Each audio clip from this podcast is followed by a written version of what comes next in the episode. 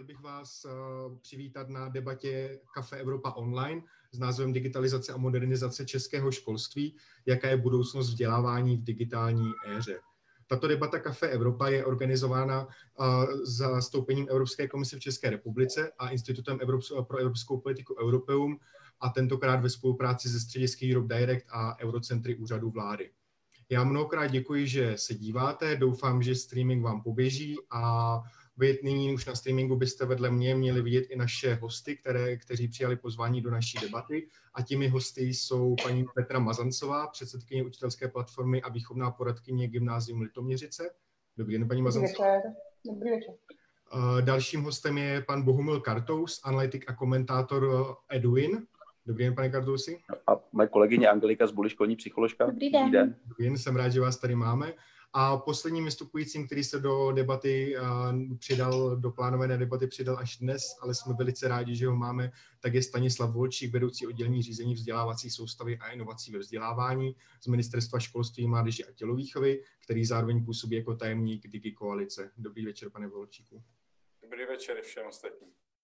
Eh, já vítám i vás, diváky, tady na této debatě. Eh, debatu můžete sledovat plně online, tak jak jsme eh, vysílali i naše další debaty Kafe Evropa, ale tato debata je výjimečná tím, že je první, která je vyloženě online. Takže my všichni jsme v našem domácím prostředí, připojeme se z, k vám z našich domovů a prostřednictvím moderních technologií, se kterými jsme se popravdě, jak už jsem říkal, trošku prali, tak jsme se snad dostali i do vašich domovů. Ta debata by stejně tak jako všechny debaty Café Europa měla být nadále interaktivní. Interaktivita debaty bude tímto způsobem probíhat tak, že v rámci live streamingu, který vy vidíte na Facebooku, můžete pokládat komentáře a já ty komentáře budu posledně a následně během debaty číst a můžu ty komentáře, kde budou otázky, položit jako otázku našim, našim vystupujícím. Takže tohle je způsob, jakým se i vy můžete zapojit do debaty Café Evropa. Tentokrát vám samozřejmě bohužel kávu a čaj nenabídneme, takže si uchopte svůj hrneček s kávou a v další hodině až hodině a půl bychom se tady měli bavit právě na téma digitalizace a modernizace českého školství. Určitě se dotkneme samozřejmě aktuální situace okolo koronaviru, ale v první řadě bych se chtěl dotknout celkově úrovně školství a digitalizace v České, v České republice, potažmo i jinde v Evropě.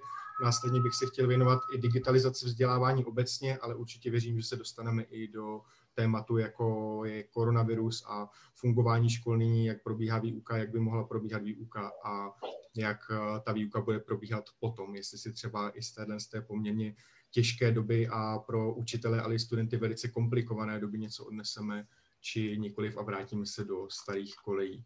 Ale každopádně bych rád začal první otázkou. Zeptal bych se nejprve pana Volčíka, potom i dalších, dalších vystupující. Ta otázka je, do jaké míry se podle vás liší úroveň českého školství a hlavně té jeho digitalizace napříč sousedními státy, ale i pak v regionech České republiky a případně i mezi městy České republiky. Jsou tam nějaké rozdíly a jaké ty rozdíly podle vás jsou, pane Volčíku? Dobře, tak úplně, já myslím, že kolegové pak doplní, ale eh, ten, za mě ten hlavní, eh, ten, ta hlavní linka je eh, pokrytí internetem, to je určitě velké téma, které nám pořád ještě jako běží v hlavách a hlavně pokrytí vysokorychlostním internetem, protože ukázka dnešního například streamování je velmi náročné v podstatě pro klasické připojení k internetu takže, takže potom, když někdo nemá eh, trochu rychlejší internet, tak to může být problém. A ta linka potom, jak jste říkal, v podstatě mě, města uh, jsou velmi dobře pokrytá uh, až na výjimku. Existují nějaké jako slepá místa, možná v městech, ale není toho moc. Uh, naopak problémem jsou spíše ty venkovské lokality a, a nám to ve své podstatě s těmi s těmi eh, vyloučenými lokalitami, nebo nějak sociálně ekonomicko postiženými lokalitami, které všichni známe eh, v, v těch severnějších krajích, ale, ale taky samozřejmě máme i vnitřní periferie typu Jesenickou úplně není vnitřní periferie, ale například třeba Hodonín, Znojmo, může být nějaké, nějaké otázky. A to jsou spíš ekonomické. Tam si myslím, že pak to jako může mít dopady a v dnešní době je to ten, bych typl jako největší problém. Uh, aby, aby ty technologie se dostaly do rodin, domů a, a k žákům a studentům. To jako osobně vidím největší problém, ale těch možností, materiálů, uh, webinářů a různých dalších věcí si myslím, že je dost, ale spíš ten větší problém ještě pořád jsou ty nástroje, ale toho, toho hard charakteru, to, to, to je jedna z překážek. No a pak druhou z překážek, kterou často vidíme, a už jsme to tady nakousávali, než začala celá Eh, tak je vlastně to vzájemné eh, peer-to-peer sdílení, eh, vlastně tu ochotu využívat technologie, které máme a situace nám ukazuje, jak, jakým způsobem vlastně díky nějakému šoku, šokové terapii můžeme využívat věci, které jsme doteď nevyužívali. A já si nebudu moc, protože já myslím, že budeme ještě hovořit, ať mají prostory ostatní, ale klidně to pak doplním. Ale já jsem chtěl spíš tak obecně to jenom nějak zarámovat a nechám kolegy, ať uh, mluví dál. Určitě se k tomu dostaneme, takže jsme se bavili o internetu jako takovém, bavili jsme se o těch technologiích, bavili jsme se spíše o dostupnosti těch technologií, že technologie existují, ale ta dostupnost je velice zásadním problémem. Je to vidět i na té naší debatě. Byli jsme schopni debatu, kterou standardně děláme osobně a v rámci nějakého uzavřeného místa, tak jsme ji byli schopni teďka dostat online. Koukám, že na nás kouká zhruba 50 diváků v současnosti, takže díky, určitě se ptejte do komentářů. A paní Mazancová, jak to vnímáte vy tu situaci z takové té první linie, kde vy se nacházíte eh, z pozice výkonné poradkyně a, a učitelky na gymnáziu Litoměřice? Uh, nechme tu výchovnou poradkyni někde spát, protože ta s tím hmm. teď úplně nesouvisí, tak stačí ta učitelka. No já si myslím, ta vaše otázka byla tak položená, jaké jsou rozdíly v regionech, jaké jsou rozdíly v jednotlivých městech a jak tomu přidávám, jaké jsou rozdíly mezi jednotlivými školami protože my to aktuálně máme nastavené tak, že to velmi závisí na aktivitě té školy, potažmo vedení, jestli získá prostředky nebo nezíská. Takže uh, já třeba uh, mám aktuálně uh, letos poprvé ve své učitelské kariéře služební notebook a myslím si, že to by měl být třeba standard, ale mám ho jenom díky tomu, že máme šikovnou paní zástupkyni, která na to do, dokázala získat peníze. Dostali jsme ze šablon, nebo dostali, pořídili jsme ze šablon do školy 20 iPadů, ale už budeme mít problém zaplatit uh, silnou Wi-Fi, a, aby nám to utáhla. A to jsou věci, na které narážíme pořád dokola. Jo? Že my bychom třeba, já bych potřebovala třeba ve třídách mít běžně pokrytý Wi-Fi, abych mohla nějak smysluplně technologie ve třídě využívat. Ale uh, dělám to, protože jsem si teda koupila Wi-Fi, jako koupila mý škola, ale musela jsem přijít s tím nápadem, že teda máme Wi-Fi přenosnou ale uh, je to složitý, nebo pak jako máme nutit děti používat data, to samozřejmě na Gimplu jako nechci dělat, uh, ale uh, chybí peníze na tyhle věci a hrozně moc závisí na aktivitě té školy. A pokud není, tak to nemáme nějak systémově opatřeno, aby prostě se to těm školám nabízelo, aby s tím někdo pomohl. Plus chybí obrovské peníze na zprávu těch zařízení, na nějakou profesionální zprávu toho, když máte prostě ve škole, já nevím, 100 stanic, tak eh, je to prostě eh, střední firma a my máme ITáka na dvakrát čtyři hodiny týdně, protože víc si jako škola nemůžeme dovolit. Eh, těžko to bude dělat, nebo může to dělat nějaký nadšený učitel, který za to bude mít nějaký strašně malinký peníze, ale je otázka, jak dlouho to vydrží. Takže profesionalizace té zprávy ve školství by byla velmi na místě a ty školy potřebují peníze na to, aby tuhle službu outsourcovali, protože nemůžou mít člověka, eh, nezaplatí člověka, který by tam měli na time, který by se tomu kvalitně věnoval. Takže outsourcing je jediná cesta, ale musí na to mít prostředky. Já jsem velice rád, že jste zmiňovala ty finance. Určitě se k těm financím jako takovým dostaneme a naprosto s vámi souhlasím s tou aktivitou těch jednotlivých škol, že já i sám ze svých školních let si a není to tak dávno, si pamatuju, že byly i diametrální rozdíly mezi jednotlivými školami, jak jste jmenovala vy. Pane Kartusi, co, jak to vnímáte vy, tu situaci? Jak se, do jaké míry se liší ta uh, úroveň těch škol právě napříč těmi jednotlivými školami, ale jestli třeba i na to nahlížíte z pohledu různých států, jak se třeba liší školství tady v České republice od států v Evropské unii, ve střední Evropě a podobně. Vnímáte ty velké rozdíly a čím jsou hlavně ty rozdíly podle vás dané? Děkuju. Eh, já se na to pokusím podívat z nějakého asi eh, více globálního pohledu a, a Angelika mě doplní, protože už tady má nějaké poznámky eh, z pozice člověka, který je přímo ve škole a dokáže tady zase jako vidět tu situaci v tom, v tom řekněme, lokálním rozměru, no v té konkrét, na tom konkrétním místě. Mě by velmi zajímalo, až ta koronavirová krize proběhne, jaké budou sebrané zkušenosti z různých zemí. Ale dá se předpokládat, že ty země, které investují do svého vzdělávacího systému výrazně více, tak pravděpodobně nebudou narážet na takové problémy, o kterých tady mluvila Petra Mazancová. To znamená, že učitelé na těch školách pravděpodobně nemusí tolik bojovat s tím, že by měli nedostatečné vybavení, nedostatečnou přípravu a nedostatečnou rychlost připojení, protože to jsou všechno peníze, které se při těch rozdílech desítek, někdy až stovek miliard ročně vlastně rozpouští nejenom do platů učitelů, ale rozpouštějí se do těch servisních a podporných služeb, které školy získávají. Ale to si myslím, že bude zajímavé sebrat ty zkušenosti potom z, právě z těch zemí, které investují do svých vzdělávacích systémů více a, a kde ta infrastruktura školní je jako asi pravděpodobně na podobné zátěžové situace lépe připravena. Já bych chtěl ještě k těm rozdílům dodat jeden podstatný. Já zase vrátím zpátky k té současné situaci a to je nejenom mezi regiony, mezi školami, ale mezi jednotlivými učiteli. My jsme s, s Angelikou připravovali a připravujeme takový informační speciál, do kterého sbíráme dosavadní zkušenosti a ukazuje se, že není problém pro 70-letou paní učitelku, aby se velmi rychle osvojila takové digitální dovednosti, které jí umožňují být v přímém kontaktu se svými žáky, vést s nimi hodiny, vést nějaká setkání s rodiči, zároveň vlastně pomáhat těm rodinám a těm dětem nějak se s tou situací vyrovnat, adaptovat se na ní. Vlastně ten zátěžový test umožňuje překlenout do značné míry, což je paradoxní, i ty technické problémy, o kterých tady byla řeč, protože vlastně paní učitelka si našla prostřednictvím asistence jednoho z rodičů takovou platformu, která funguje za daných technických podmínek a, a v celku úspěšně se jí daří vlastně naplňovat během té zátěžové situace to, co si přece vzala a vlastně se nadále rozvíjet. A, ale pak jsou určitě případy učitelů, kteří to takhle neberou a myslím, že se k tomu ještě dostaneme.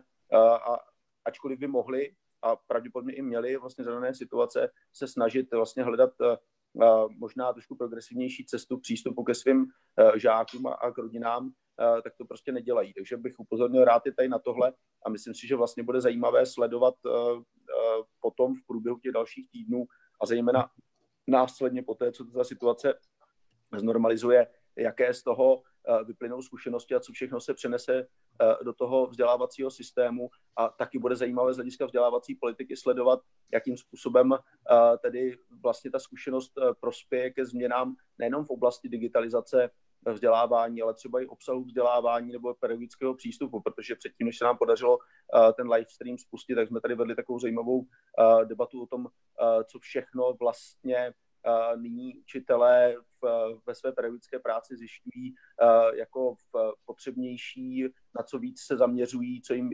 jindy uniká a tak jsem zvědav vlastně, co z toho se přenese dál. Tak nevím, jestli mě chceš doplnit ještě. Můžu klidně k tomu. Určitě souhlasím s tím, že rozdíl je uh, i mezi těmi učiteli. Co se týká toho, že oni teď musí začít z ničeho nic používat technologii, ono to není úplně tak, že to přichází z čista jasna. Ve chvíli, kdy uh, vedení té školy je přesvědčeno o tom, že je dobré ve výuce technologii využívat, tak prostě to bere jako prioritu a tak k tomu i při, uh, při, um, přistupuje z hlediska financí, školení a tak dále. Uh, takže u nás na škole je to opravdu tak, že učitelé jsou svým způsobem neustále vedení k tomu, aby technologie využívali. A myslím si, že to, co je taky hodně důležitý a to, co spoustu učitelů zmiňuje, že najednou mnohem víc přemýšlí nad tím, co s těmi dětmi dělají a jaký úkoly zadávají, protože najednou jsou to jiné podmínky a ta práce je více vědomá, jak kdyby zvědomila, bych řekla. Takže já si myslím, že to je velká příležitost k tomu, jako zamyslet se vůbec nad tím, Eh, co je obsahem té výuky, co chci těm dětem předat a tak dále. To je, to je za mě asi všechno. Já se vás ještě jenom zeptám velice stručně, jestli můžete odpovědět, eh, když bychom se měli zaměřit na nějaký třeba vzor nějakého státu v rámci Evropy, třeba co se týká právě té digitalizace školství a těch moderních metod výuky a podobně, tak eh, ke komu třeba bychom se měli upínat samozřejmě ještě před tou koronavirovou epidemii, pandemii, a yes, a kdo může být takovým tím naším vzorem? Asi, pane Kartousi, jestli můžete ve ne, Já nedokážu asi úplně pojmenovat, kdo má být tím vzorem, ale předpokládám, že země uh, skandinávské, prostě uh, Švýcarsko, pravděpodobně Lucembursko a další, kteří investují do svých vzdělávacích systémů diametrálně odlišné částky, tak tam bude pravděpodobně znát i ta míra, řekněme, vytváření nějaké digitální infrastruktury. Jo, že tam v těchto zemích bude ten problém Eh, pravděpodobně ne tolik citelný z hlediska ne, technických nedostatků, ale aby byl rád, kdyby mě třeba doplnila i doplnili i kolegové v tomhle, protože asi mají nějaké své zkušenosti. Jenom zase ve skutečnosti zeptám se, jak to vnímáte vy, kde to funguje nejlépe teda, paní Mazancová?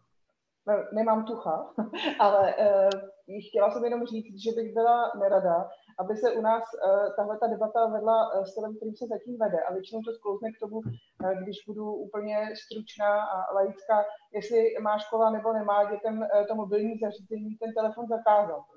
Pojďme se spíš bavit o tom, jak uh, podpořit to, aby jsme, no je to pravda, aby, jsme mohli, aby ty děti to mohly ve školách využívat. Jo? Ale naše, naše, náš veřejný diskurs většinou uh, a média skončí na tom, jako že půjdeme cestou Francie, zakážeme mobilní telefony, tam se to osvědčilo, pojďme do toho. A už jakoby vlastně neřešíme, že nám hrozně ujíždí vlak v tomhle směru a že uh, zakázáním těch mobilních telefonů jenom uh, balíme nějaký problém a přesouváme ho někam jinam, ale nějakým způsobem ho neřešíme. Tak jenom to mě teď k tomu napadlo, že vlastně pokud se diskutuje o nějaké digitalizaci českého školství uh, ve veřejném prostoru, tak se to většinou fakt jako stočí na to, jestli mobilní zařízení žáků ve školách ano nebo ne. Mhm. Dobrá, pane Volčíku, stejná otázka, co se týká těch vzorů a velice ve stručnosti vás poprosím. Já budu velmi rychlý a krátký.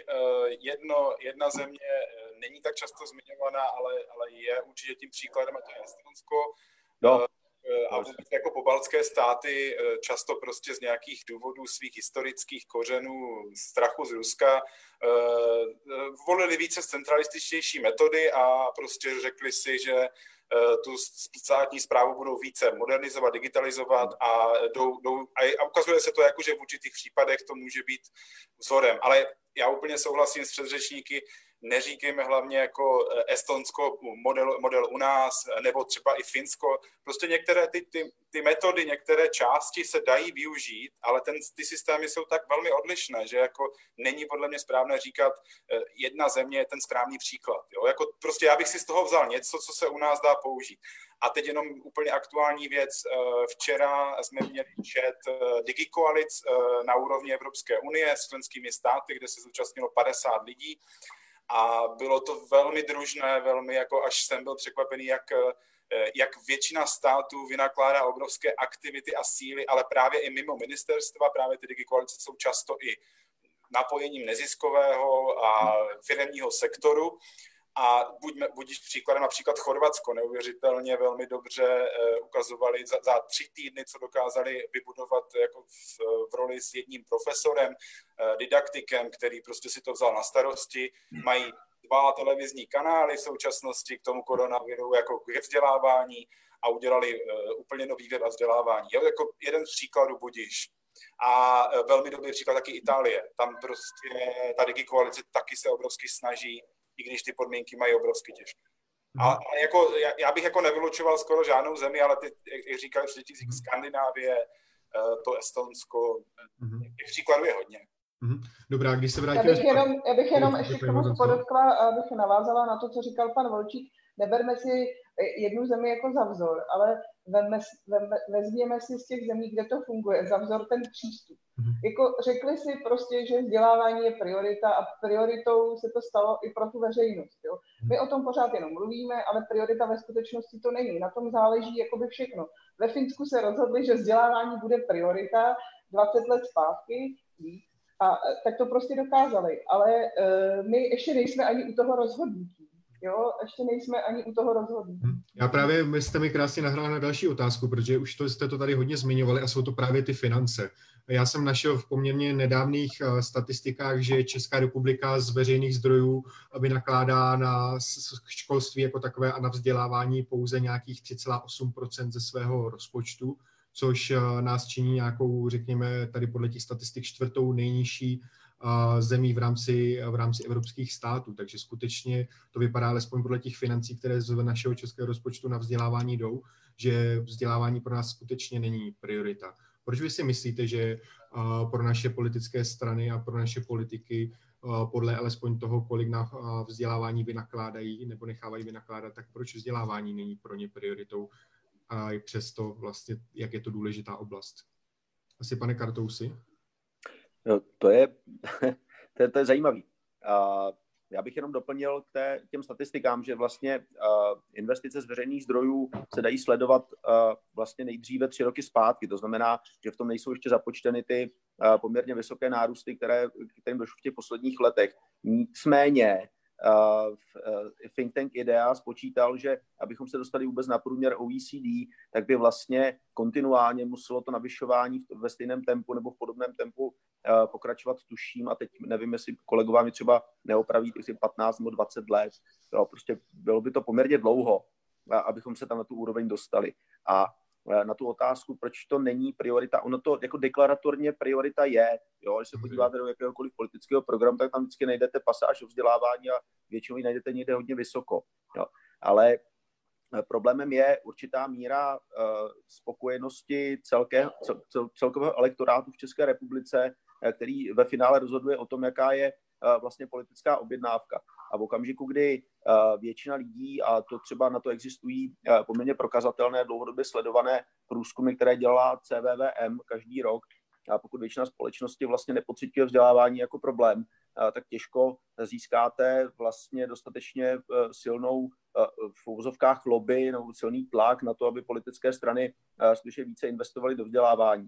A současná vláda si myslím, že vlastně není příkladem eh, toho, co by se dalo označit za vědomou eh, progresivní vzdělávací politiku. Ona spíš jenom hasí problémy řeší problémy, které tady eh, narůstaly v těch předchozích dvou až třech dekádách a vlastně dorovnává že prostě nějaký deficit. Takže vlastně to navyšování dnes nelze považovat za investici, ale prostě nějaký doplatek dluhu.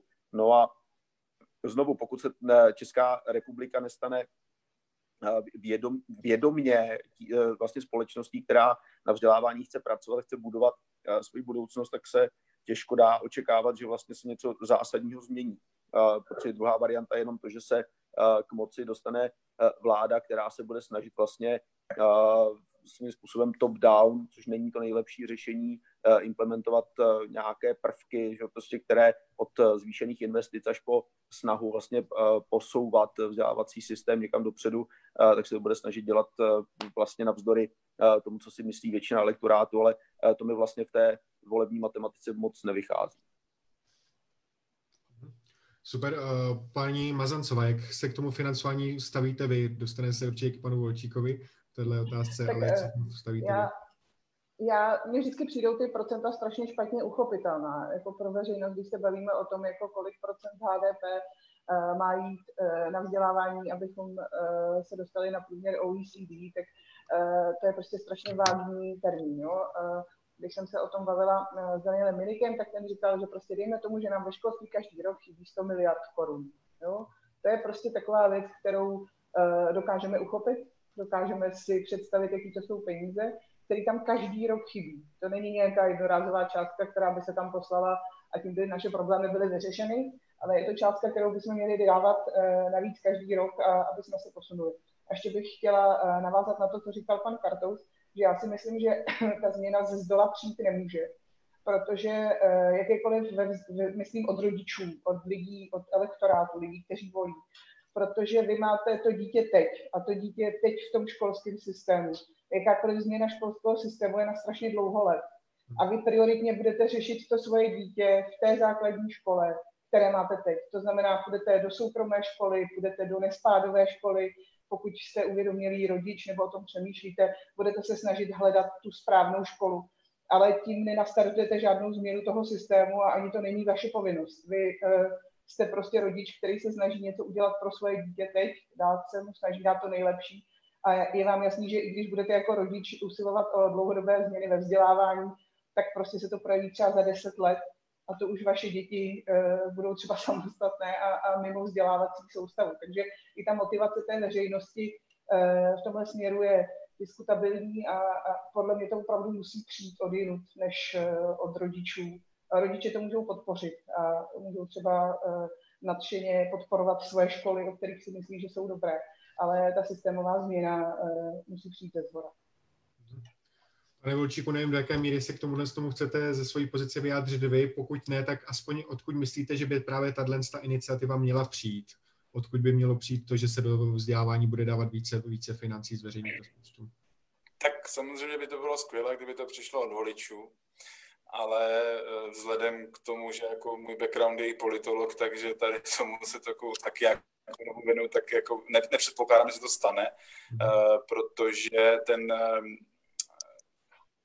je to prostě téma, které eh, je, je, já myslím, že často velmi těžko uchopitelné v podstatě pro voliče. Jsou mnohem jednodušší témata, jo, že kdybych to trochu zjednodušil, tak to je taky jeden z problémů, že možná nedokážeme i jednoduše vysvětlit uh, těm voličům, jakože často by to byly drobnosti, jo? že vlastně uh, možná vlastně každá miliarda do toho systému, uh, když si představí na ministerstvu, tak uh, by pomohla obrovsky. Jo, že, my se tady bavíme třeba, že by bylo super 100 miliard, ale v podstatě každá miliarda by byla skvělá. To, to jako můžu říct rovnou. Jo, jako, když si představím, nevím, prostě nějaký projekt 100 milionů, kterých máme jako hodně a jsou všechny z evropských fondů, protože prostě to ministerstvo musí ty prostředky hledat jinde. Takže si pomáhá z Evropy, a zase oni mají nějaké pravidla, nějak se směřují, tak je to omezující. A my v podstatě jako díky tomu omezení těch prostředků často eh, nemáme prostor na výzkum. Jo, prostě jako rezortní výzkum je velmi omezený interně a, a to je třeba, co zmiňuje pan, pan, pan Kartous velmi dobře. No, no, ale to je nastavením státního rozpočtu a tím, kolik prostředků budou na školství. My už prostě nemáme další prostředky, hmm. pokud chceme udržet ty lidi v tom systému. Jo, tak já, já se k tomu nechci jako asi víc vyjadřovat. Eh, je to o prioritě těch stran. Eh, my, my jsme si nějakou malou analýzu dělali, kolega mi tady jako pomáhal i s těmi programy, že nás to zajímalo. A eh, realita je taková, že všichni to tam mají. Schoda je na zvyšování platů a tam to končí.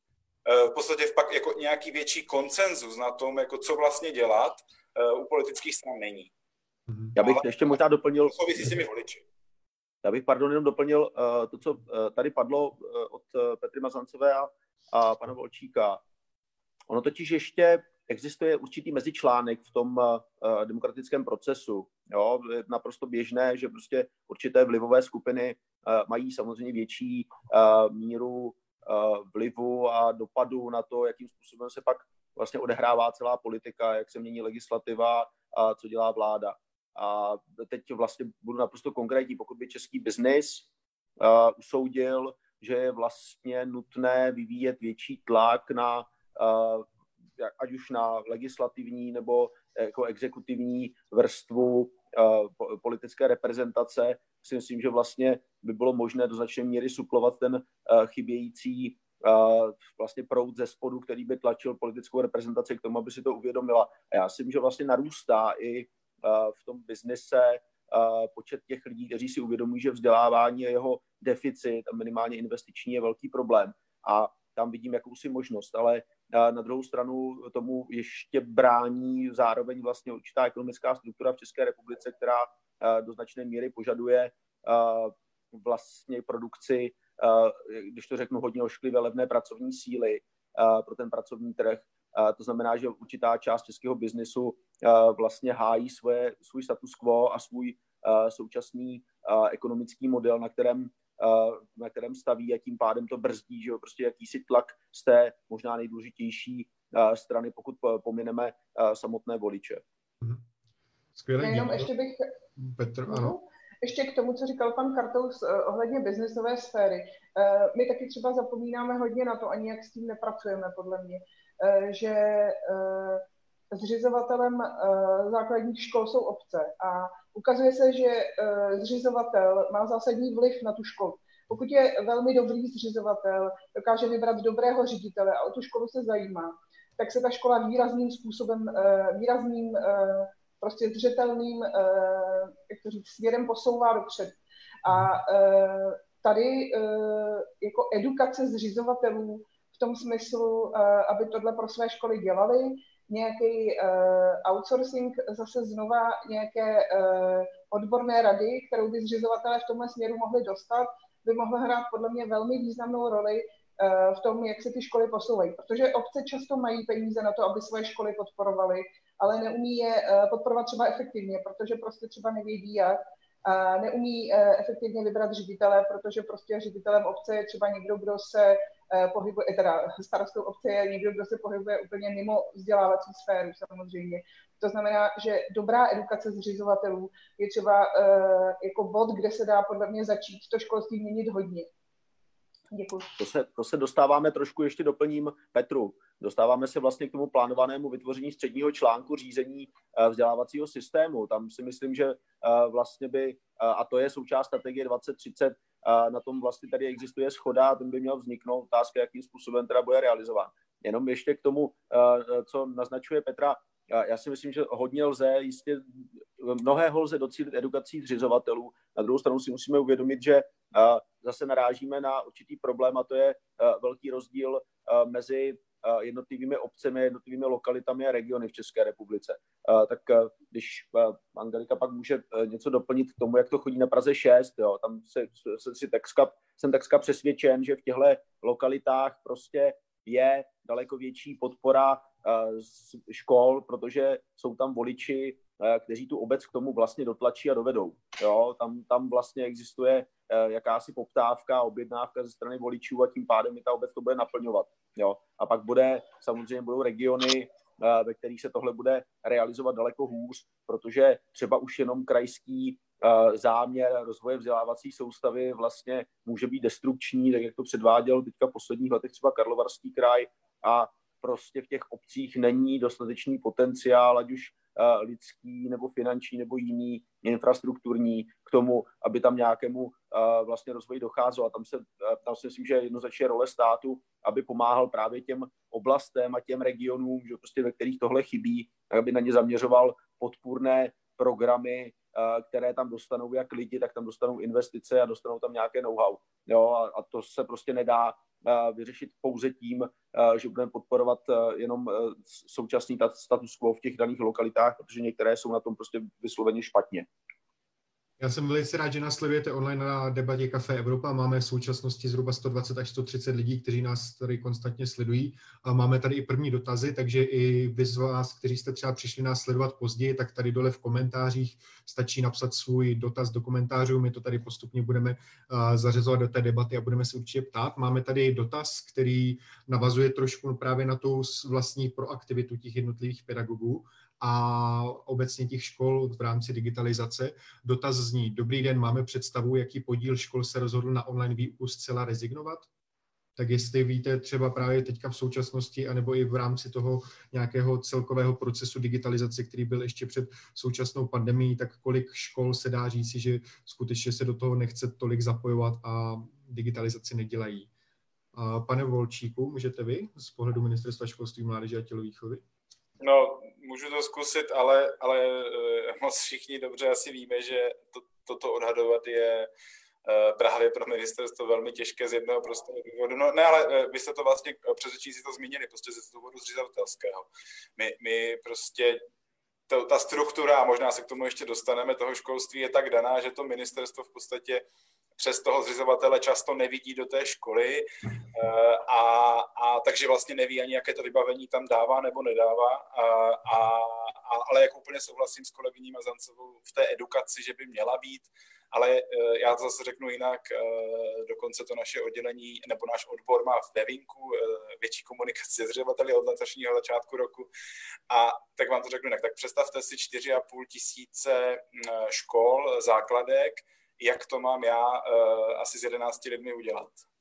Je to jenom jako takové zjednodušení jako uh, té komunikační linky a to je právě ta zřizovatelská role uh, a, a co to ministerstvo a proto si myslím, že ta debata by se měla posunout k tomu střednímu článku a pojďme hledat nějaký mezičlánek, který tomu ministerstvu pomůže, protože ze strany ministerstva je téměř nemožné toto všechno řešit. Ale ať se vrátím zpátky k tomu dotazu, ať neuteču, přiznávám, že nevím, přesně, to, to je prostě číslo, které nevím, ale já naopak jsem spíš potěšen tím, jako jak eh, velké množství eh, škol, škol píše a učitelů, eh, jak se k tomu postavili. Často prostě naskakují na ty nejjednodušší věci, které už vyzkoušeli, což jsou nejčastěji v současnosti Google Classroom a Microsoft Teams. Už jsme se o tom shodou okolností na začátku bavili a já spíš jako držím palce všem a, a, a všem aktivním. Ne jako, co můžu víc jako dodat, no. Pane Kartu, si máte vy nějakou představu, kolik třeba těch škol na to rezignovalo a jestli třeba, pokud ne, tak jestli aspoň vnímáte, že třeba ty školy, které na to, tak, jak, tak říkajíc, rezignují, jsou spíše základní školy, nebo jsou to spíše střední školy třeba? Já bych chtěl zdůraznit, že ze strany pana Volčíka tohle není alibismus, to je prostě popis objekt, objektivní popis reality. Jo, byť já nejsem asi považován za člověka, který by uh, měl problém sdělit nějakou výhradu, že prostě vůči tomu, jak funguje uh, ministerstvo nebo zpráva vzdělávacího systému. Ani já nemám představu o tom, kolik škol na to rezignovalo a kolik učitelů na to rezignovalo, kolik učitelů je progresivních, ale uh, to je právě věc, která by se dala sebrat postupně během tady téhle mimořádné situace, během toho experimentu by se ukázalo, že prostě kolik si učitelů je schopný si v takové situaci poradit nějakým pokročilejším způsobem a, a kolik z nich se spokojí tím, že e-mailem posílá zadání a očekává vlastně nějakou, nějakou reakci, na kterou pak jako, kterou, kterou oznámkuje. Jo, takže já to nevím. Ukazuje se, že vlastně se ty, ty rozdíly mohou být diametrálně jak na úrovni škol, protože moje zkušenost třeba s tím, jak funguje gymnázium na Zatlance, je skvělá. Můj starší syn tam chodí do prvního ročníku a, a vlastně my jsme hned druhý den vlastně věděli, jak bude fungovat vzdělávání v době koronavirové karantény a od té doby vlastně všechno běží. Jo, ne, já s tím vlastně já, já, nemusím řešit žádný problém. A, a ani můj syn vlastně nemá pocit, jako že by uh, nějak strádal. Naopak se mi zdá vlastně, že tam se hledá spíš nějaká jako balance mezi tím, jak vlastně, jak, jak nakolik pře, přenášet Eh, vzdělávání, obsah vzdělávání na ty jednotlivé studenty a jejich rodiny. A, a to je tak jako jediný problém, který vidím. A jako, že by existovala nějaká mapa, ta skutečně zatím ne, neexistuje. Abych spíš obrátil tu otázku, ale Petra se k tomu určitě ještě bude chtít vyjádřit, abych si obrátil tu otázku k tomu, eh, jaká je situace jednotlivých dětí. Třeba protože tam se ukazuje, že a to si myslím, že bude třeba patrné na přijímacích zkouškách na střední školy, že se ještě zvýší vliv socioekonomického vlivu rodiny na to, jak je dítě vlastně schopno procházet tím vzdělávacím systémem. Protože teď ty děti, které jsou vlastně nejvíce ohroženy tím, že pochází z nepodnětného prostředí, tak jim vlastně chybí ta školní příprava, pokud to vztáhneme k žákům devátých tříd, těm, kterým si měli připravovat na přijímací zkoušky a pravděpodobně to ještě zvýší vliv rodiny do té míry, nebo na, tak, jak budou schopni vlastně už v přijímacích zkouškách, notabene pokud vlastně bude pouze jeden, jeden termín. Jo. Tam si myslím, že je velký problém, který vlastně možná i koronavirová krize vlastně po, odhalí. Nebo, nebo bylo by dobré, abychom se na něj soustředili. Paní Mazancová, mě k tomuhle z toho přivádí spíše ještě další otázka z vašeho pohledu. Jak bychom mohli my motivovat právě ty pedagogy, kteří třeba nejsou tolik aktivní, co se týká těch nových metod té digitalizace a tak a nějakým způsobem prostě neko, nekooperují s těmi většími programy a s těmi možnostmi, které v současnosti mají. Tak určitě motivace v současnosti máme jednu poměrně velkou motivaci, ale obecně i třeba před současnou pandemí, tak jak můžeme tyto pedagogy motivovat? Já bych, eh, se nerada vyjadřovala vzhledem ke kolegům nějakým způsobem příkře, ale já si prostě myslím, že to není ani tak o tom, jestli jste nebo nejste digitálně kompetentní, ale o tom, jestli chcete nebo nechcete prostě v nastalé situaci učit. To znamená, ukazuje se, že ti učitelé, kteří třeba uh, nejsou počítačově extra uh, vyspělí uživatelé, ale prostě umí metodicky s dětmi pracovat, uh, umí s nimi komunikovat, tak dokážou uh, si najít způsob, jak to dělat i na dálku. A ti, a už jsme se o tom bavili, jejichž uh, hlavním uh, metodickým nástrojem je výklad, tak jsou prostě třeba aktuálně, Bob se směje, aktuálně třeba na hraní. Ale jenom, abych se vrátila, takže podle mě je to hrozně moc o osobnosti učitele. Já jsem zažila, ale jsem v takové pozitivní facebookové a učitelské komunitě, takže moje bublina není úplně relevantní v tom smyslu, že tam se opravdu jako vyskytuje strašně málo lidí, kteří by nechtěli. A ti, kteří chtějí, tak si našli někoho, kdo jim radí. Takže uh, to, jakým způsobem tahle krize nastartovala sdílení mezi učiteli, kteří se chtějí učit a těmi, kteří uh, jsou ochotní ty zkušenosti předat, je pro mě neuvěřitelný pozitivum a, a, a hrozně mě to baví. A druhá věc je, ještě bych se ráda vrátila k tomu, jak to funguje na těch školách a e, jsou ty, které se úplně nezapojily. E, jasně, že nevíme, ale e, my máme každou neděli v rámci Facebookové skupiny Učitelé plus takové sdílení online a teď jsme tam řešili třeba základní školu v Trmicích, což je Ústecký kraj, to je, dejme tomu, vyloučená lokalita, nebo jak se to dneska nazývá. To znamená sociálně, ekonomicky jako velmi špatné prostředí. A, a je tam skvělá paní ředitelka Gottfriedová, která opravdu umí s těmi dětmi pracovat, pokud jakoby jsou v té škole, ale pokud se na ně nemůže fyzicky sáhnout, když to takhle řeknu teď, když prostě jsou na dálku, tak je to složitý. Přesto hledají způsoby jako typu telefonu, do té doby, než byla jako vyloženě karanténa, tak i nějakých návštěv a, a podobných věcí. To znamená, pořád to tam je. Patrně by dost pomohl nějaký program, který by uh, umožnil těm dětem půjčit nějaké zařízení, půjčit uh, nebo zaplatit prostě připojení nebo volná data, prostě zpřístupnit to. Uh, myslím, že by ty uh, že by to nestálo tolik peněz a, a že by to mělo velký efekt. Plus samozřejmě školy, pokud mají nějaká zařízení, tak je půjčují. To znamená, Paní ředitelka základní školy v Tehově má rozpůjčovaných asi 15 iPadů mezi svými druháčky, protože prostě a třetíáčky, protože s nimi začala komunikovat přes Google Classroom, uh, taky to jde. Uh, jako, já věřím, že kdo chce hledá způsob a kdo nechce hledá důvod. Hmm. Tak já bych přišel úplně přímo k té digitalizaci. Máme tady na ní nějaké další otázky, ale co se týká strategie digitálního vzdělávání, kterou prosazuje Ministerstvo školství mládeže a tělovýchovy, tak v rámci kontroly nejvyššího kontrolního úřadu, která proběhla v létě 2019, jsem právě našel, že ani po pěti letech od schválení této strategie většina nestanovala spousta škol a nezavedla tenhle ten standard dovedností žáků v oblasti informačních a komunikačních technologií do své výuky, tak jak v rámci té strategie měla. Pane Volčíku, můžete nám o tom, můžete nám o tom něco říci o té strategii a jaký je teda ten stav skutečně, skutečně teďka a co právě by se mělo uh, s tím stavem dělat? Jo. Uh, já si myslím, že NKU bylo extrémně útočné a nebudu do toho zabíhat, protože, uh, no ne, ale já jenom abych to uvedl na míru. Ono bylo útočné i z politických důvodů a dalších důvodů, ale, ale pak jsme si to vyjasnili vlastně na pracovní úrovni a nakonec to vlastně bylo příliš zbytečně ostré, protože já si nemyslím, že jako zase se tak málo udělalo. Ta strategie je tady od roku 2014. Eh, byla to jedna podle mě z nejlepších modelových strategií v tom jako otevřenosti při její přípravě, která vlastně byla předskokanem současné strategie 2030, kde jako si myslím, že taky byla velmi modelová otevřenost a, a je to jako a, a práce s veřejností, s širokou veřejností, tak, takže, takže eh, základ byl podle mě velmi dobrý. Samozřejmě, a už jsme to tady zmiňovali, eh, strategie eh, digitálního vzdělávání do roku 2020 má jeden zásadní problém a to je financování eh, z evropských prostředků. To je ten jediné, jediné vlastně základní financování z evropských prostředků. Občas se našly i nějaké národní zdroje anebo nějaké jiné. Takže to je určitá jako slabina té strategie ale jinak ty cíle byly jako velmi dobré. No a z těch, jako abych zase neříkal, ne všechno se podařilo samozřejmě, ale z těch velmi jako věcí, které se podařily, tak uh, fungovaly nám šablony. Uh, šablony do škol, uh, je to součástí prostě několik výzev vlastně bylo součástí strategie. Bylo, bylo to cílem, cílené výzvy na to, aby ty školy byly vybavovány. A já si myslím, že ta vybavenost jako velmi stoupla za ty roky. To, to si jako přiznejme a v terénu to podle mě vidíme.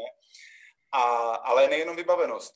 Prostě ten současný operační program zase hodně podporuje i vzdělávání. Eh, on naopak nejdřív podporuje vzdělávání a pak až teprve nějaké vybavení od toho předchozího, což je taky velmi pozitivní. No a z těch nejpozitivnějších věcí eh, téma, které teď podle mě začíná být velmi důležité, a to je revize vzdělá, rámcových vzdělávacích programů v eh, oblasti ICT.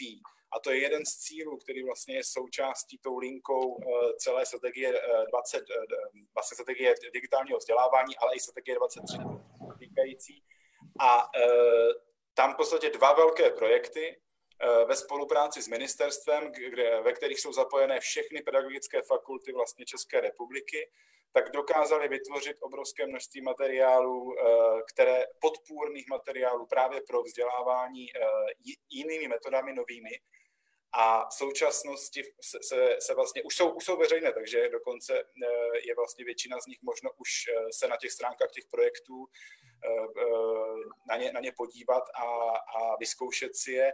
A, a v současnosti je navazujeme vlastně na nové rámcové vzdělávací programy. A já si myslím, že Eh, ta, ta, tady zrovna ta revize bude velkou výzvou jak pro ministerstvo, ale pro celý vzdělávací systém, ale ta připravenost je jedna z největších, eh, když to srovnáme s předchozími revizemi. Mm-hmm. Jako, jako, ne, ne, jako, jako vzhledem k těm materiálům. Já myslím to jako, že máme takovou podpůrnou materii, kterou jsme jako doteď neměli. To jako si přiznejme. Mhm. Ale neříkám, že je všechno dokonalé. To, to ne. Aha. Pane Kartusi, materii, materii teda určitě máme i v podobě právě strategie digitálního vzdělávání. Na jaké úrovni vy vnímáte, že je obecně ta digitalizace našich českých škol a, a jak se vám podle vás daří prosadit eh, právě cíle této strategie? Já myslím, že k tomuhle jsou nejlepší, eh, k tomuhle jsou nejlepší svědectví těch lidí, kteří přímo ve školách eh, jsou, protože ti vlastně mohou přímo dokladovat, jakým způsobem se daří vlastně posouvat školy, když to řeknu hodně hrubě, do 21. století. Já mám s tím problém, tak znám, já znám i lidi, kteří vlastně strategii dávali dohromady a oni sami často uh, vlastně trochu zklamaně říkají, že prostě míra implementace je, je prostě pomalá, jo, a to vidíme. Uh, ta strategie, jak říkal pan Volčík, byla velmi dobře připravená, skutečně s velkou mírou otevřenosti, ale pak uh, vlastně trvalo snad dva roky, než se vůbec ministerstvo školství, respektive stát, rozhodl, že vlastně s tou strategií začne pracovat, to samo o sobě je, je obrovský lap, lapsus. Jo, jako, to není možné. Prostě v tom okamžiku, když se bavíme o ICT a bavíme se o digitálních technologiích obecně, no tak dva roky je prostě strašně dlouho. Za tu dobu se jako leco změní. A já skutečně nevidím, a, vlastně ukazuje to i ta situace současná, jo, jestli něco posunulo digitalizaci českého školství z hlediska know-how minimálně dopředu, no tak to je koronavirová karanténa, koronavirová krize. Jo, nikoliv vláda, nebo vládní zásahy a systémové snahy to tak jako učinit. Jo.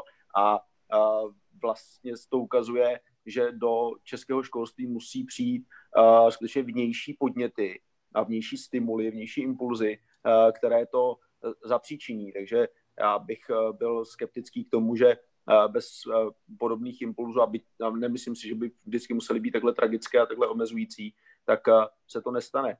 Já jsem té knize, kterou jsem vydal loni, vlastně popisuju ten stav, kdy technologie půjdou velmi rychle dopředu a je velmi pravděpodobné, že jejich prostřednictvím se podaří ještě více zvýšit míru toho, čemu říkáme neformální vzdělávání a snížit vlastně ten tu, tu, eh, ten vliv nebo ten, ten význam toho, co se odehrává ve školách z hlediska přenosu informací a, a z hlediska znalostních a dovednostních eh, potřeb, které eh, lidé mají. A pak si říkám, že prostě jestli nebudeme dostatečně reagovat jako společnost, tak se nám taky může stát, že se nám vzdělávací systém začne pomalu drolit pod rukama. Takže z tohohle mám dost, dost obavy. Mm-hmm. Paní Mazancová, máme tady další otázku z našeho, z našeho streamingu. Někdo z diváků se ptá, pro výuku jakých předmětů je digitalizace největší problém a naopak pro jaké předměty je podle vás výhodou? Jak to vy vnímáte ze svojí role učitelky, co se dá digitalizovat a co, co úplně tak ne? Já uh, si myslím, že uh, se digitální technologie jde využít úplně ve všech předmětech a že to nezávisí na tom předmětu, ale závisí to uh, na něčem, o čem pan Volčík třeba nemluvil, a my máme teda skvěle připravenou baterii materiálů, ale součástí té digitální strategie je i nějaký standard digitálních kompetencí učitele. A položme si otázku, jak moc máme ten uh, standard těch kompetencí digitálních u učitelů naplněný. A ukazuje se, že třeba teď za 14 dní se zvýšil u mnohých uh, kolegů třeba o mnohé desítky uh, procent. Jo? Takže to je moje otázka, proč vlastně eh, školy nepodporujeme v tom, aby ten digitální standard učitelů zvyšovali.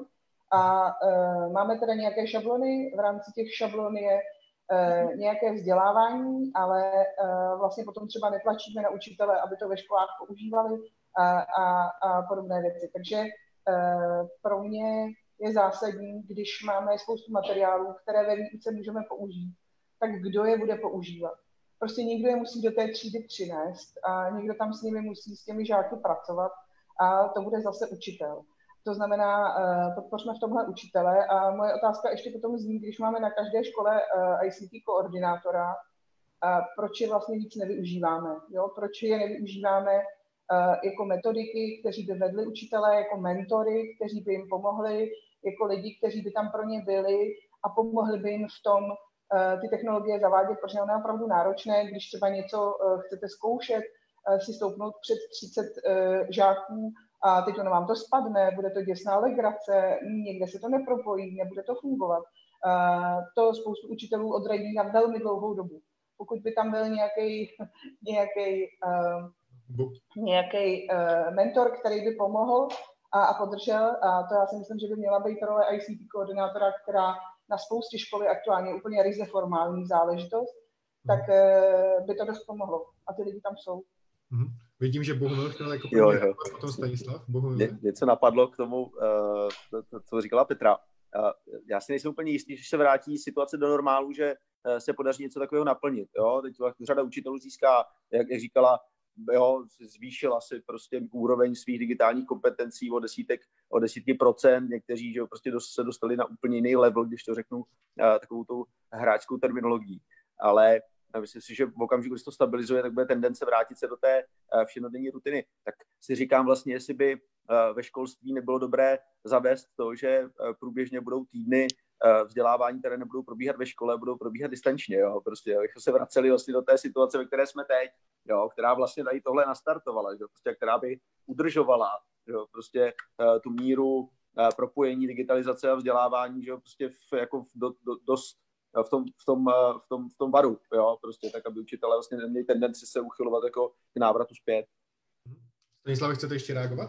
Já jsem chtěl jenom úplně krátce k těm ICT metodikům a vůbec eh, k tady k té oblasti. Eh, ano, uvědomujeme si to, taky jsme s naším týmem na loňský, v loňském podzimu objeli všech 14 krajských úřadů a přitom jsme navštěvovali některé školy. V každém kraji jsme se snažili aspoň nějakou instituci takovou navštívit a jsou opravdu dobré příklady, pak jsou horší příklady a tam, kde funguje ICT metody, ICT koordinátor, eh, tak to je v podstatě jako eh, naprosto zlaté. Jo, mhm. jako několik příkladů za vše. Eh, viděl jsem prostě ICT koordinátory v akci na středně velké střední škole o nějakých 100, 100 150 žácích a tam je prostě Eh, strategie, devítiletá strategie, než tu školu dostali tam, kde je teď. A, je, a všechno to táhne ten ICT metodik, který je zároveň vysokoškolským pedagogem a, a vlastně devět let s panem ředitelem společně uh, budují celou školu a posouvají v podstatě k té digitálně vzdělávací instituci. Ale, ale abych to doplnil, že se i my snažíme něco dělat, tak v současnosti Digi, Digikoalice ve spolupráci s ministerstvem připravuje dvě takové menší pracov, takové dva pracovní menší týmy, do kterých jsou právě zváni hlavně lidé ze škol, s, i, i s firem, jak vysokoškolským bez pokrytí internetem a zároveň uh, druhým tématem takové, uh, má být jako jedna skupina zaměřená vyloženě na ICT koordinátory a vůbec uh, bavení se a přemýšlení o jejich roli, o jejich případné úpravě v zákonech a v legislativě tak dále. Takže víme, to téma je obrovským problémem, chceme ho řešit, ale je otázka, je, eh, teďka chceme otevřít tu debatu nejdřív. Teďka jste mi nahrál na další otázku, kterou tady máme v komentářích pod naším živým streamingem. Určitě se ptejte dál, jestli máte další otázky. Právě ta otázka se týká toho soukromého sektoru a role soukromého sektoru v digitalizaci škol. Otázka zní dobrý den, zajímalo by mě, jako podle vás v digitalizaci českého školství se hraje soukromý sektor. Mají v praxi, mají v praxi firmy zájem podporovat technické vybavení českých škol a digitální gramotnost absolventů. Bohumil, jak to vnímáte vy ze svého pohledu? Určitě jsou v eh, společnosti, které takový, takový zájem mají. Jsou to eh, logicky společnosti, které se třeba pohybují v oblasti digitálního biznesu, digitálních technologií, jako určitě vyvíjejí že jo, prostě nějaké snahy. Nebudou to jenom oni, jo, prostě vidím asi možnosti v tom, že jsou společnosti, které pracují právě s, na, na, na vytváření infrastruktury, to znamená sítí, jsou společnosti, které jsou schopny vybavovat školy. Ono se to vlastně asi nějakým způsobem děje, ale nevím, jestli je ta koncentrace dostatečně vysoká a jestli vlastně by v rámci, a to je, to je otázka možná na pana Volčíka, jestli v rámci Digi koalice by nebylo dobré, že prostě tady tyhle uh, jako koncentrovat tu, uh, tu snahu a třeba často i dobrou vůli těch uh, společností. Ono se to jako lecos ukáže pravděpodobně i teď. Jako nedávno mi volal ředitel jedné společnosti poměrně významné a velké, že by rád podporoval v současnosti rodiny, které mají nedostatečné vybavení a které by potřebovaly na tu přechodnou dobu počítač, laptop nebo nějaké jiné digitální zařízení zároveň s připojením k internetu. Jo, možná, že vlastně se ukáže právě i díky tomu, co se teď děje, jak palčivé to je a, a že to bude víc zajímat třeba i firmy. No, ostatně mě už vlastně v průběhu toho našeho, té naší diskuse napadlo, že by bylo možné v současnosti vyzvat ty společnosti, které chtějí investovat do vzdělávání, zároveň potřebují, aby ten outcome, aby ten, jako ten, to, to, co vlastně do čeho investují, tak aby to mělo nějakou hmotnou podobu, tak to třeba může mít podobu toho, o čem jsme tady bavili na začátku, v podstatě podpora infrastruktury ve školách. Pane Volčíku, co vy a role soukromého sektoru vnímáte to z pozice Ministerstva školství a mládeže a tělovýchovy, že se chce soukromý sektor vyloženě přímo podělit na rozvoj digitálních kompetencí studentů a žáků? Uh, ano, já, si, já, si, já, já to vlastně vidím každodenně právě v té digikoalici. Uh, hlavně jsme s tím začali, nebo ne, ono už to jako ta digikoalice dělá jako od svého počátku. Možná jenom v krátkosti digikoalice je v podstatě združení především firem, Eh, ale zabývající se digitálními technologiemi a digitálním vzděláváním, ale zároveň škol, eh, případně dalších několika ministerstev. Takže, takže tím cílem v podstatě té digikoalice je dávat ty lidi dohromady, dávat ty aktéry dohromady a hledat právě cestu, jak je propojovat. A já si myslím, že eh, právě je, je hromada příkladů. Já mám nejradši v podstatě startupy, Eh, které, které často přicházejí úplně z garážov, garážově, nebo jsou to středoškoláci nebo vysokoškoláci, kteří, já nevím, nebudu jmenovat, ale konkrétně třeba eh, vyvinuli eh, produkt matematiky a pomáhali, pomáhají v podstatě lépe na dálku právě hodnotit, uchovat děti. Je to český, český subjekt, je součástí Digikoalice, a krásně nám prostě přivedli si i školy, ve kterých se to aplikuje, ale, ale zároveň nám ukázali jako i nedostatky toho softwaru a dva roky se v podstatě snaží s těmi školami pracovat a ten software neustále zdokonalí. Takže to je pro mě jako krásný příklad toho, jak jak jako přistupovat eh, ze strany firm. No a pak jsou velcí hráči, a to vidíme teď, eh, začínají pomalu hlásit, eh, jak zmiňoval pan Kartous, samozřejmě i u nás na ministerstvu některé firmy, které chtějí teďka pomáhat eh, nějakým, hledá, hledají se cesty, jo, jako jak eh, darovat, nebo aspoň na ty tři měsíce zdarma, nebo za minimální prostředky dát počítače těm právě nejpotřebnějším, kteří teďka nemají, nebo, nebo nějaký, nějakou jinou cestou, nebo nějaký software v podstatě jako poskytovat, aby byl více free teďka volně zdarma pro ty, pro ty subjekty. Eh, takže, takže já myslím, že jo, že tam je tam velká síla, ale zase bych nechtěl sklouznout k tomu, že jako to má vyřešit ten soukromý sektor. Někdy ty debaty k tomu směřují a nemyslím si, že to je to správné, ale bez těch firm nejde ta inovace. To jako si přiznejme. Mm-hmm. Kterou nám vlastně do toho systému vnášejí. Tak a co se tedy týká uh, té současné, uh, ještě tady vlastně, pardon, jedna otázka by přišla poměrně uh, zajímavá k té digitalizaci jako takové. Jedna osoba se tady ptala, že by jí zajímalo, zda vidíte přechod školství v České republice na většinově anebo výhradně digitální pomůcky a systém výuky v horizontu 5 až 10 let. Vidíte, že něco takového může nastat i právě třeba v reflexi toho, co se děje teďka, že bychom částečně mohli skutečně přijít na ten na ten uh, systém digitálního, alespoň částečně digitálního školství, nebo třeba to, o čem tady mluvil pan Kartous, že bychom chvíli byli ve škole třeba nějaký jiný týden zase ne? Tak, uh, jestli můžu, tak já si to teda úplně představit neumím, uh, zejména z toho důvodu, že třeba teď aktuálně mám asi 200 studentů, které teda už třetí týden učím online a, a mám pocit, že vlastně to, že nám to poměrně dobře funguje, je hrozně dáno vztahem, který jsme měli, než ta situace nastala. Uh, to znamená, že my jsme spolu nějakou dobu prostě byli každý týden xkrát prostě v jedné třídě uh, face to face a, myslím si, že to se jako nějakým způsobem nahradit nedá. A, a věřím, že bez vztahu učení nefunguje tak dobře, jak by mohlo. Takže to mi přijde poměrně zásadní. Nicméně, určitě třeba, já jsem samozřejmě třeba, já učím Microsoft Teams a samozřejmě jsem věděla, že existují, uh, dokonce jsem Eh, na to absolvovala i nějaké školení, ale eh, nic mě eh, nenutilo je ve škole používat. Teď, když jsem to vlastně musela udělat, tak jako zjišťuju, že některé věci si opravdu ponechám. Třeba systém odevzdávání zadání je pro mě tak jednoduchý a skvělý a přehledný. I studentům to vyhovuje, že to je něco, co si určitě hodlám udržet i po té, co se do škol vrátíme. Eh, stejně tak jako se konečně daří to, co se mi nedařilo eh, eh, na gymnáziu dva roky, učit studenty pracovat ve sdílených dokumentech, protože prostě nemají žádnou jinou možnost. A když, to, když jsme byli ve škole, tak to vždycky nějak dopadlo, že jsme to jako osobně spolu domluvili a nějak dodělali, ale vlastně k tomu posunu v jejich kompetencích jiných nedošlo.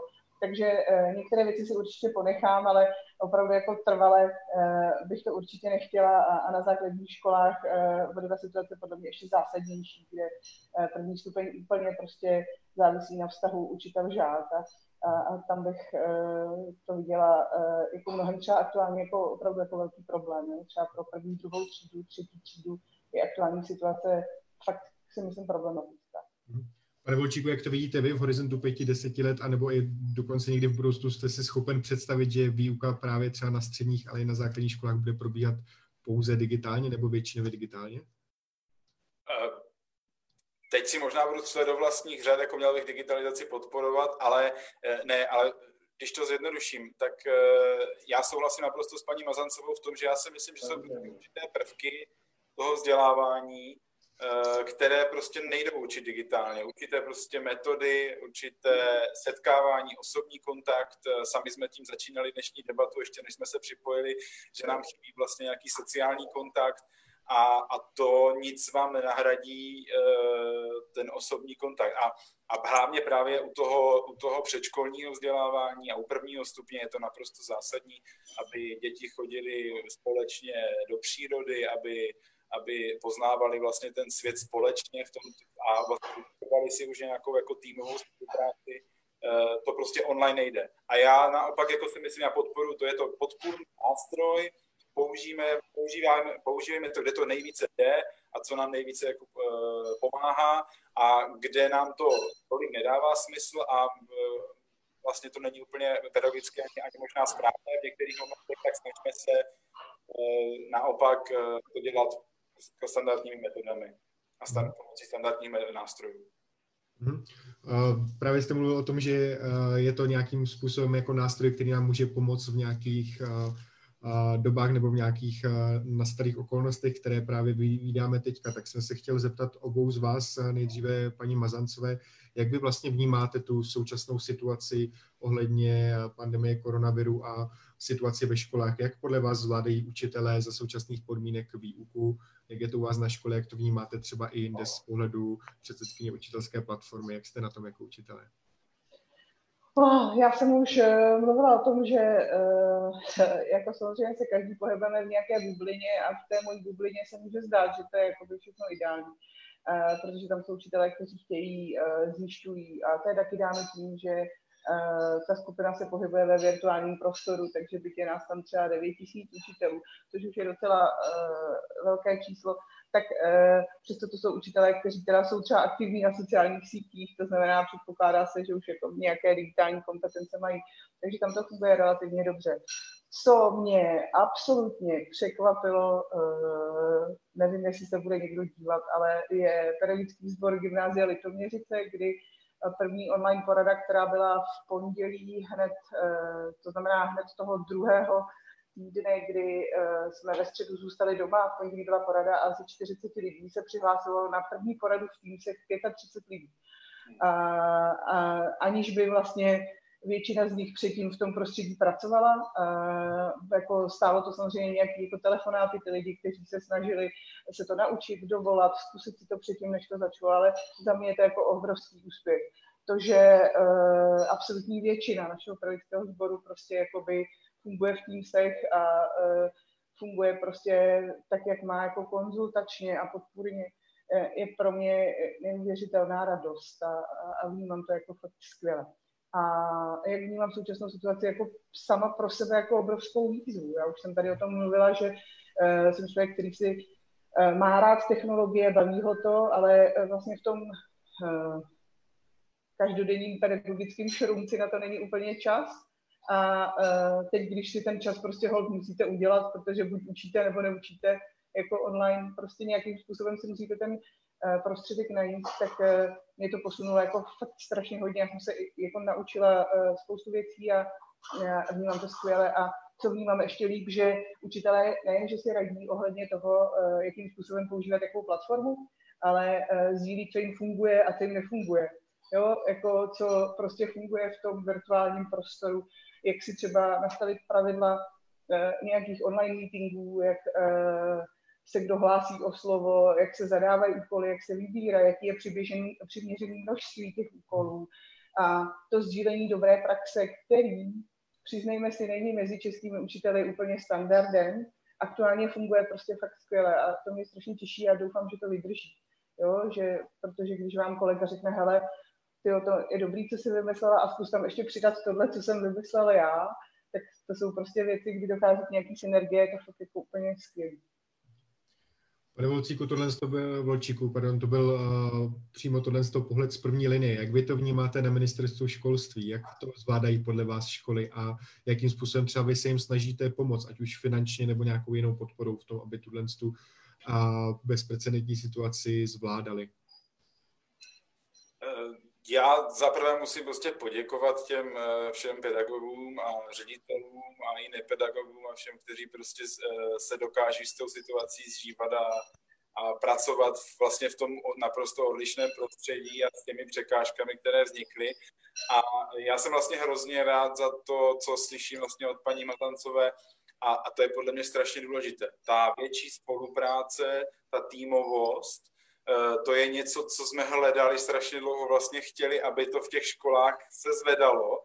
A teďka vlastně nás ten, ten šok a šokem k tomu nutí, což mě jako přijde hrozně pozitivní. A já si myslím, že jako kdo teda chtěl a ty technologie aspoň komunikačně, tak, eh, tak jako je může využívat. Tak jak to řekla paní Mazancová, ty Teamsy nejsou na ty základní věci, nebo Google Classroom, nebo jakékoliv aplikace, nejsou tak složité na nějaké porady, na nějaké jednoduché sdílení, zasílání dokumentů.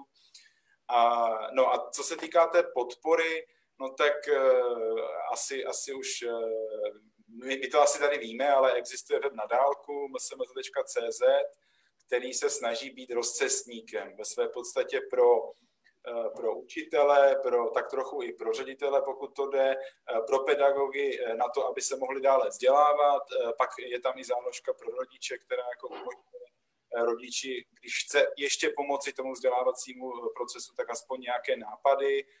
A taky nám tam přibyla vlastně ta záložka nově teďka učitelka, kde jako velmi silně spolupracujeme, kolegové chodí do České televize každý den právě Eh, z oblasti eh, základního vzdělávání, takže, takže jsou vlastně každý den v tom, v tom provozu a eh, nejsou možná úplně vidět, ale pomáhají i s tím programem, takže to mi přijde jako taky další aktivita, ale ta je teda vyloženě opravdu české televize, ale společně vymyšlená a společně jako realizovaná.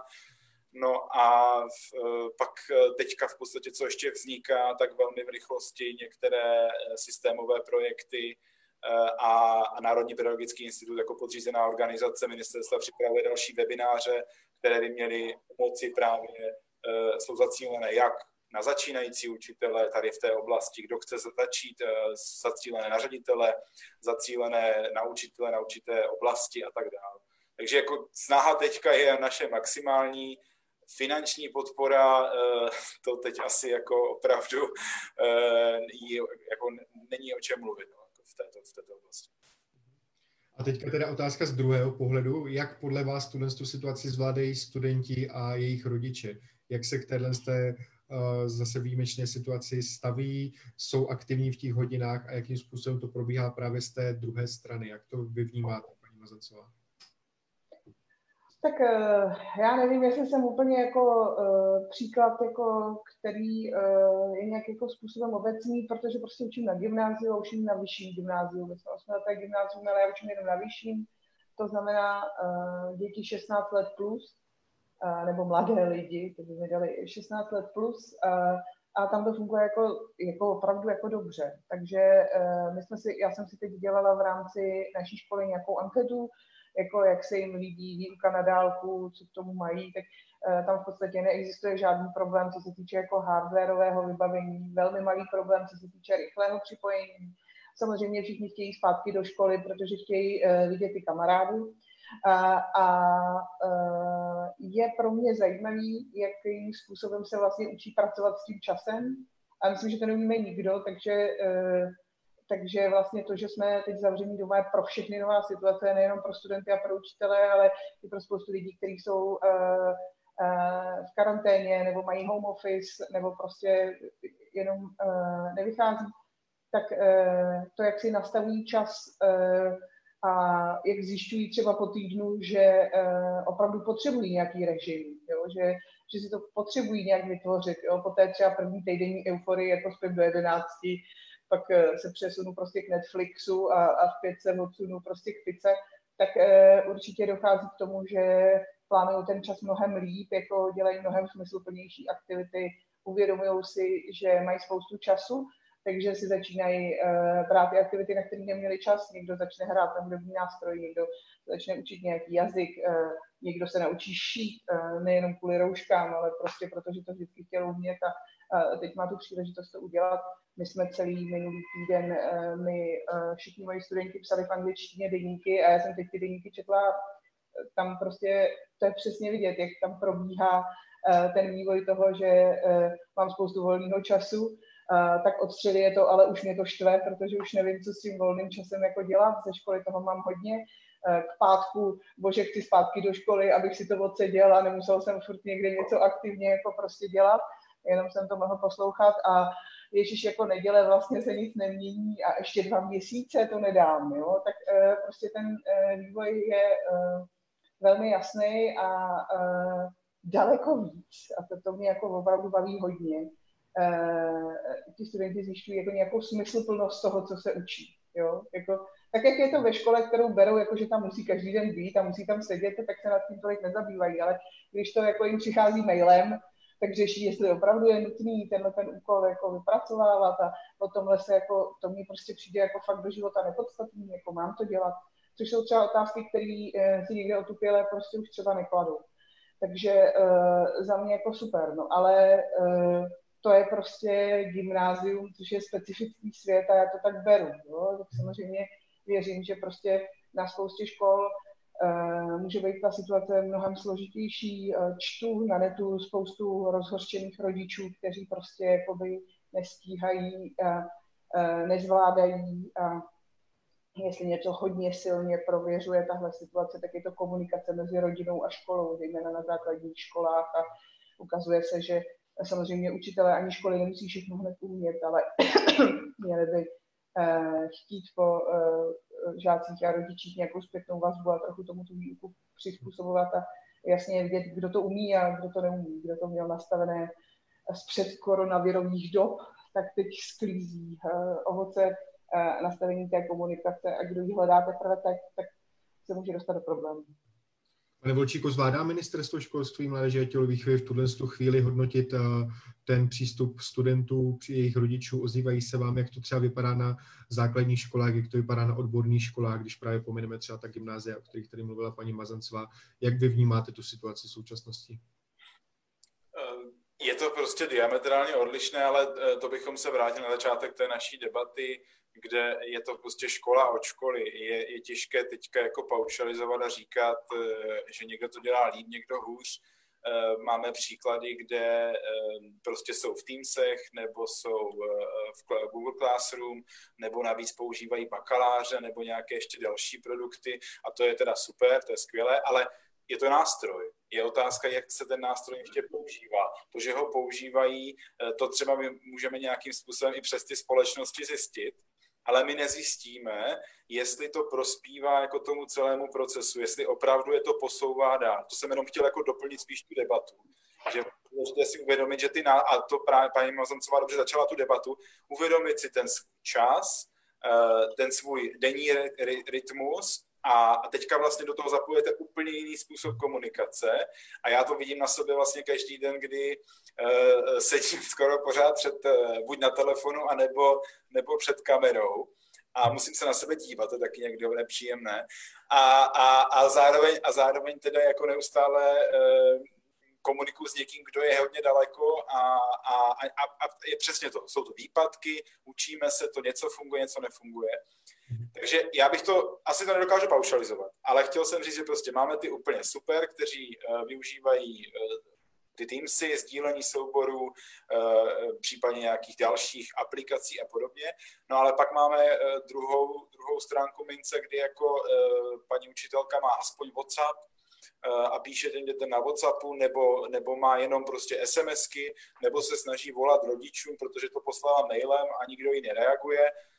Eh, pro mě jsou to pořád jako velice jako eh, hezké příběhy toho, jak, ta, eh, jak ti pedagogové se snaží a, a vlastně cokoliv je podle mě dobré. I takovou cestou, aby aspoň se nějakým způsobem, když to jinak nejde, tak snaží se najít ten kontakt a, a, a vlastně pokračovat v tom procesu aspoň nějak. A pak ještě bychom tu debatu mohli posouvat v tom, a to jsme už tady měli, jest, jako co je realizovatelné na dálku a co není. Jo, prostě jsou některé části toho pedagogického procesu, které nenahradíte takto na dálku. A to už jsme tady vedli. Ale, ale za mě jako, já hlavně zvedám prostě palec nahoru těm uh, učitelům a ředitelům a nepedagogům taky, abych nezapomněl, uh, za, to, za to vlastně, jak se s tím dobře, jako, jako co s tím dělají a jak se, jak se s tím potýkají. Já myslím, že velmi dobře většina z nich. Pokud to prostě jde, tak se snaží. A musíme si ale všichni i, i vůči rodičům pomáhat, protože máme zase příklady rodičů, kteří mají home office, mají doma třeba dvě, tři děti a, a, a zároveň ještě něco dál jako dělat ehm, k tomu, jakože učit vlastní děti je obrovský problém. Takže potom je potřeba i ta tolerance a komunikace rodiny se školou a s učitelem. My jsme tady říkali, už jsme mluvili o tom, že se velice těžko sleduje, kolik škol nějakým způsobem zanevřelo na tu digitalizaci, ale Petr Procházka se tady v komentáři ptá, kolik škol momentálně nevyučuje vůbec že si dokáže sám představit, že o nich asi ani nevíme. Dokážete nějak říct, jestli jsou skutečně nějaké školy, které vůbec nevyučí, pane Volčíku? No, asi teďka vám to jako říct nedokážu, protože to jako, jako e, když bych to paušalizoval, nevyučují standardně, v podstatě žádná. E, jo, protože jako ta současná výuka je trochu jiný typ výuky. Ale jako říct, říct si to, jako kolik z nich teď nevyučuje, asi nedokážu. Já, jestli jenom k tomu můžu poznámku, tak já si myslím, že eh, jako, že by byla škola, která vůbec žádným způsobem celá nekomunikuje se svými žáky, mi přijde opravdu velmi nepravděpodobné. Eh, budou někteří učitelé z té školy nebo na té škole bude třeba víc nebo méně učitelů, kteří to nějakým způsobem zvládají. Taky záleží na tom, jestli ta škola má vytvořenou nějakou společnou strategii pro to, jak eh, bude k tomu eh, distančnímu vzdělávání přistupovat. Ale uh, já si myslím, že pokud by nějaká škola vlastně jako nereagovala vůbec a tvářila se jako, že máme zavřeno a nic se neděje, takže se fakt jako, to se nedá ustát. Ten, ta odezva rodičů by byla prostě jakoby jasná. Jo? Tak ozývají se rodiče, že Eh, toho dostávají moc, že toho dostávají málo, diskutují o formě, takže představa, že by třeba eh, rodiče nějakého žáka eh, od školy neměli 14 dní zprávu, tak jako dobře, třeba rodiče jednoho žáka to přejdou, ale když tam těch žáků třeba 200, tak se vždycky najde někdo, kdo to třeba nějakým způsobem zvedne. Takže moc nevěřím tomu, že by byla nějaká škola, která neučí a nekomunikuje vůbec. Blížíme se do úplného, ano, pane Volčíku? Já jenom to doplním, že vlastně uh, ani není možné, aby škola jako zavřela úplně a neučila, pokud není v karanténě. Protože v současný stav sice je, jakože školy jsou zavřené a žáci a děti a studenti v nich nejsou, ale nadále eh, kolektivy učitelské mají povinnost v podstatě tu výuku realizovat. Jo, takže eh, jo, jako ten mimořádný stav neznamená, že školy jsou zavřené, eh, teda, že ško, školy neučí, ale jsou jenom zavřené jako fyzicky. Ale jako přesně jak říká paní Mazancová, není možné, aby škola neučila. Pokud by neučila, tak potom, jako, pokud to zjistí Česká školní inspekce nebo někdo, tak to je velký problém a, a rodiče, pokud dají vědět, tak to ministerstvo bude řešit. Samozřejmě. Blížíme se k úplnému závěru té debaty, ale ještě tady máme nějaké otázky, které se týkají právě vysokých škol. Jeden člověk zde rozebírá svoji situaci na vysoké škole, kde píše, že učitelé v nouzovém režimu se snaží najít cestu, jak k tomu dojít, ale vždycky mají problém, mají problém i předtím s tím, jakým způsobem vyučí a že jsou velké diametrální rozdíly mezi mezi jednotlivými fakultami, ale i mezi jednotlivými katedrami, i mezi jednotlivými garanty těch předmětů s tou digitalizací. Tak jak vy vnímáte tu digitalizaci a tu současnou digitální výuku nyní na vysokých školách? A zároveň se ta osoba ptá, jestli by právě v tomhle tom neměla být nějaká větší centralizace, co se týká právě nějakého toho, uh, chci říct nařízení, ale asi, asi právě k tomu přístupu k vysokým školách, k vysokým školám, které mají poměrně velké akademické a zároveň další otázka jiného, jiné osoby se váže na to, jak vůbec vidíte tu budoucnost digitalizace na vysokých školách právě. Tak pane Volčíku, asi spíše na vás otázka z pohledu Jo, tak to jsme se posunuli do debaty ještě, která je pro ministerstvo ještě složitější v tom, eh, že eh, v podstatě školy, nebo vysoké školy mají mnohem větší ještě eh, svobodu než, než vlastně školy v regionálním školství, to znamená střední, základní a mateřské, tak tam, tam v podstatě máme ještě menší pravomoce než, než, než v tom zbytku. A je to, je to vlastně čistě na tom nějakém doporučování. Na tom webu jsem to nezmínil, je tam jedna záložka pro školy, která jako nějakým způsobem radí eh, právě nějak většinou nástroje nebo nějaké základní informace o tom, co, eh, co je možno eh, využít v současnosti a, a, ale je to čistě na rektorech a děkanech těch těch škol, protože tam naše pravomoce jsou opravdu doporučující a tam v, v celém tom procesu vždycky.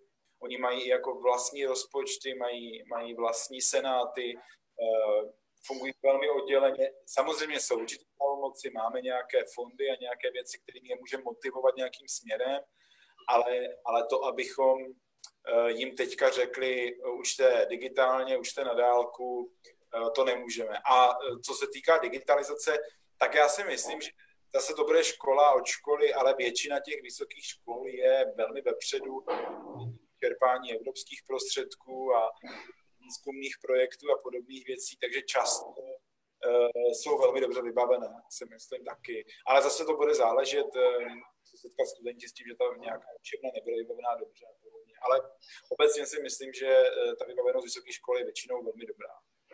Mm-hmm. Bohužel už se asi nedostaneme k dalším dotazům, měli bychom tu debatu směřovat ke konci, tak bych tady si vybral poslední otázku, která by nám to mohla snad na pozitivní notu tu debatu i v současné situaci trošku uh, ukončit. Uh, ta otázka zní, co by se mohlo během této doby ověřit a zavést dlouhodobě do systému výuky po skončení pandemie. Takže my jsme se tady o tom malinko bavili, ale co si vy myslíte ze svého pohledu, že bude skutečně to, co by mohlo potom fungovat i po té, co se situace v České republice a jinde v Evropě vrátí k normálu a budeme vyučovat znovu prezenčním způsobem, tak co může eh, z této doby, kterou nyní zažíváme, fungovat i nadále. Paní Mazancová, no. z vašeho pohledu pedagožky. No, uh, já jsem uh, pedagožka, hrozný slovo, učitelka. Já jsem myslela, k tomu asi ta otázka nesměřovala, jo, ale ta otázka byla asi na to, co z těch digitálních technologií si necháme. Ale já doufám, že jako učitelé základních a středních škol, protože za ty doufám, můžu trochu mluvit, protože o tom mám přehled, uh, si necháme tu spolupráci, kterou teď máme. Já už jsem tady o tom mluvila, než ta debata začala, a trochu jsme se toho dotýkali i v průběhu celé té debaty, ale uh, naše zborovna třeba nikdy nespolupracovala tak, jak spolupracujete. Stejně tak jako spolupráce mezi školami, ve smyslu, že nám to tady zafungovalo, je pane řediteli, můžeme si zítra zavolat a řeknete mi, jak jste si to nastavili. To sdílení té dobré praxe, ten neuvěřitelný, jakým způsobem se školy a učitelé a ředitelé zasíťovali a jak si prostě pomáhají navzájem. A já doufám, že prostě tím, že, se, že to bude trvat ještě nějakou dobu, že se vytváří spousta osobních vazeb a všechno, co stojí na osobních vazbách, je podle mě fajn. Že tohle to prostě vydrží, že uh, si zvykneme uh, sdílet svoje přípravy a, a sdílet dobrou praxi, která uh, na školách je a varovat před tou špatnou a upozorňovat na ní a že si zvykneme přijímat mentoring jako něco normálního a běžného, stejně jako supervizi a intervizi, kterou prostě ve školách bytostně postrádáme, kterou opravdu jako málo kde máme a najednou ji máme, byť na dálku, ale prostě uh, věřím, že se dokážeme uh, tohle všechno zachovat i po té, co se do těch škol vrátíme. Pro mě je to opravdu jako velká naděje a vnímám to jako fakt, to revoluce je možná silné slovo, ale, ale pro mě je to svým způsobem jako uh, pro školství velmi revoluční doba, co se učitelů týče. Pane Volčíku, na závěr, jak vy vnímáte, že by nás mohla současná komplikovaná situace posílit v budoucnu, jak by mohla posílit náš systém vzdělávání a vůbec fungování našich škol?